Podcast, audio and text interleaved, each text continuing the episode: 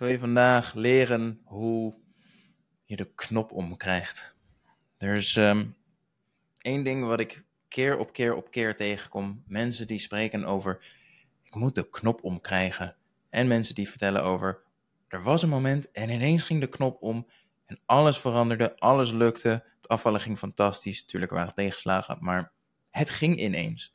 En dat klinkt als een heel mooi en magisch iets. En ik moet dus gewoon maar gaan wachten. Of ik doe maar wat en hopelijk gaat ineens de knop om. Of hopelijk als ik 5 kilo ben afgevallen, motiveert me dat me zo erg dat ik vol blijf houden en dat dat me motiveert. Het is minder magisch dan dat. Sterker nog, je kan er gewoon met hele concrete stappen aan gaan werken. Het is heel hard werken, dat wel. Sorry als je dacht dat het makkelijk gaat worden. Maar ik haal graag de magie er een beetje uit, zodat jij gewoon snapt, ah, dat is wat ik moet gaan doen. Daarvoor moet je begrijpen, afvallen, het is niets anders dan een bepaalde hoeveelheid stress op je lijf, waar ruimte voor moet zijn in je hoofd en in je leven.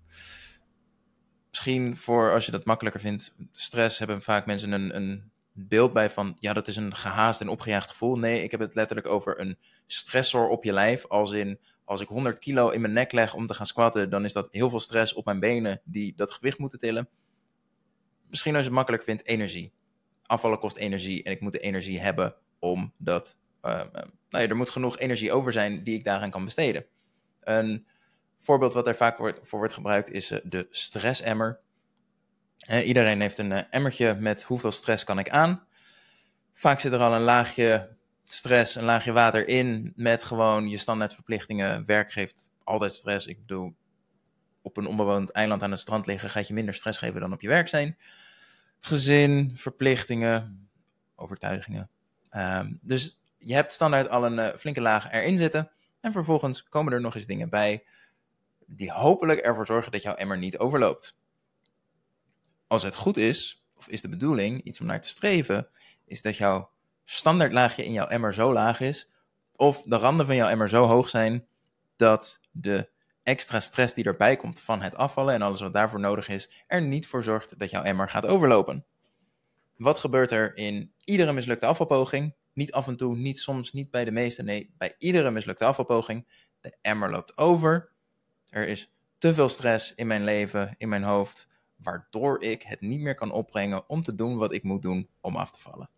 Ofwel, ik heb de mentale of nee, mentale. Ik heb de mentale energie niet meer om op te brengen wat ik moet doen om af te vallen. Dus die balans, dat is waar je, dat is waar alles om draait.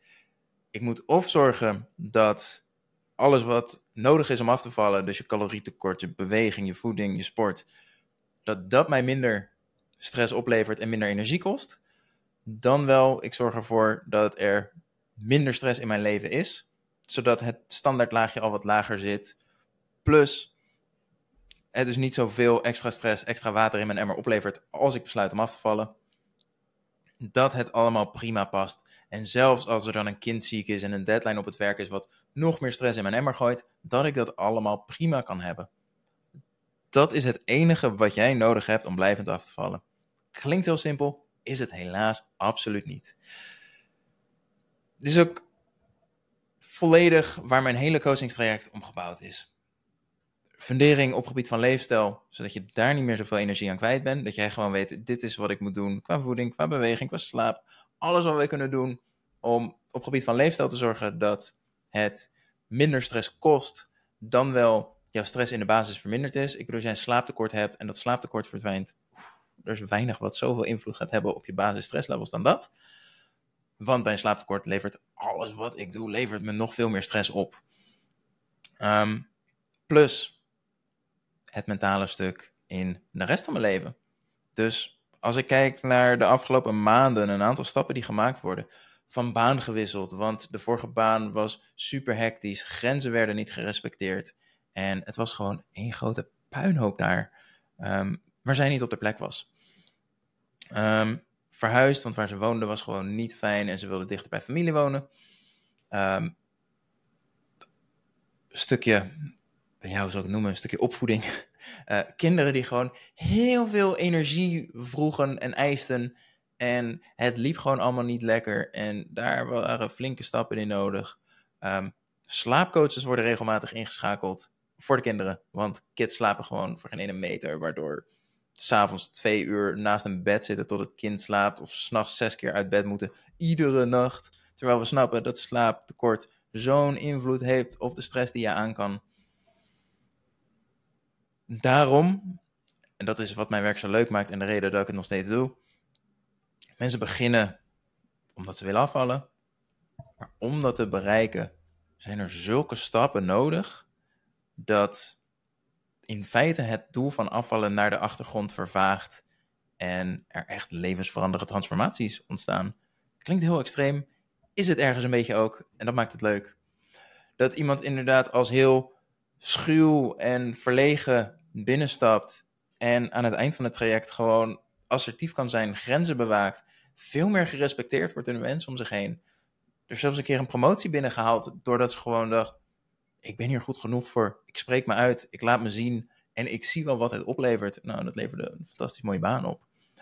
Dus afvallen is dan vervolgens een heel logisch gevolg. Want alles geeft me zoveel minder stress. Ik hoef niet meer bang te zijn voor de mening van een ander. Ik hoef niet meer te walgen als ik in de spiegel kijk. En noem het maar op. Al die dingen die zoveel energie vreten, die zoveel stress opleveren, waardoor het afvallen steeds niet lukt. Terwijl de kronkel die de mensen maken is, ja, ik walg van mezelf als ik in de spiegel kijk en ik baal van mezelf en ik ben super kritisch naar mezelf. Maar zodra het afvallen lukt, dan stop ik daarmee. Het is andersom. En dan heb ik het niet over accepteer jezelf zoals je bent. Dan heb ik het over focus op je acties en het resultaat en het lijf wat je wil, volg daarop. Dus die knop die omgaat is in feite niet meer en minder dan de stress van afvallen past ondertussen binnen je leven. Motivatie is zo sterk dat veel mentale druk en overtuiging ook gewoon wegvallen. Want gedachten als, maar ik wil dit niet opofferen en ja, maar als ik ga afvallen, dan kan ik dus nooit meer dit eten en dan kan ik niet meer naar feestjes en weet ik het wat. Dat vreet energie. Daar moet je vanaf. Het ding is, als we het hebben over die knop omzetten, de voorbeelden die je, eh, die je daarvan kent zijn vaak het gevolg van een hele acute oorzaak waar je vaak zelf geen controle over hebt. iemand in de omgeving is ineens uh, heel ziek, waardoor je geconfronteerd wordt met: oké, met mijn gewicht, mijn gezondheid staat ook op het spel. Er moet nu iets gebeuren.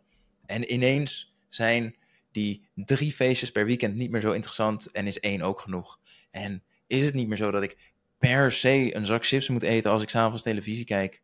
En kan het ook minder? Al die overtuigingen vallen dan ineens in het niet vergeleken het stuk. Mijn gezondheid staat op het spel. Ik weet met um, um, Ellen van Obese naar Gezond, die um, heeft ook twee afleveringen in de podcast samen met mij opgenomen. En voor was het ook paniekaanval en, en volgens mij gaat het helemaal mis met mijn gezondheid. En dat was haar trigger. Oké, nu moet het veranderen. Het ding is, dat soort dingen heb je zelf niet in de hand. Je kan gaan wachten tot het zo slecht met je gaat dat die acute oorzaak er wel is. Of, dat zou mijn voorkeur hebben, ik ga er zelf aan werken. Voor 90% die coach is het een geleidelijk proces.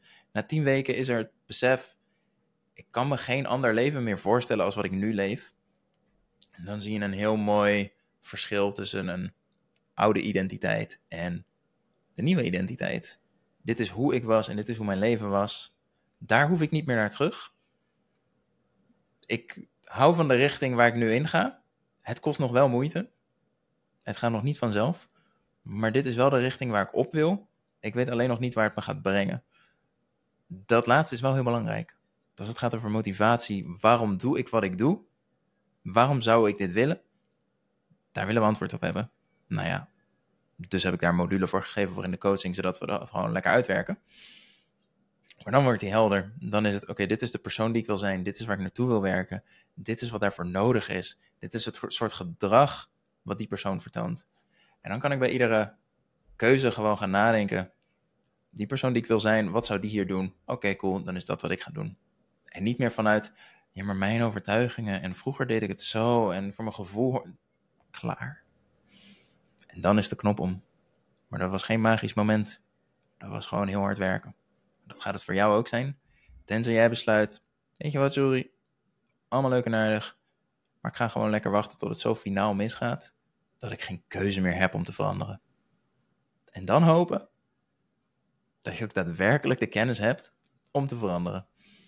Geen aanrader, maar dat is aan jou. Dankjewel voor het luisteren.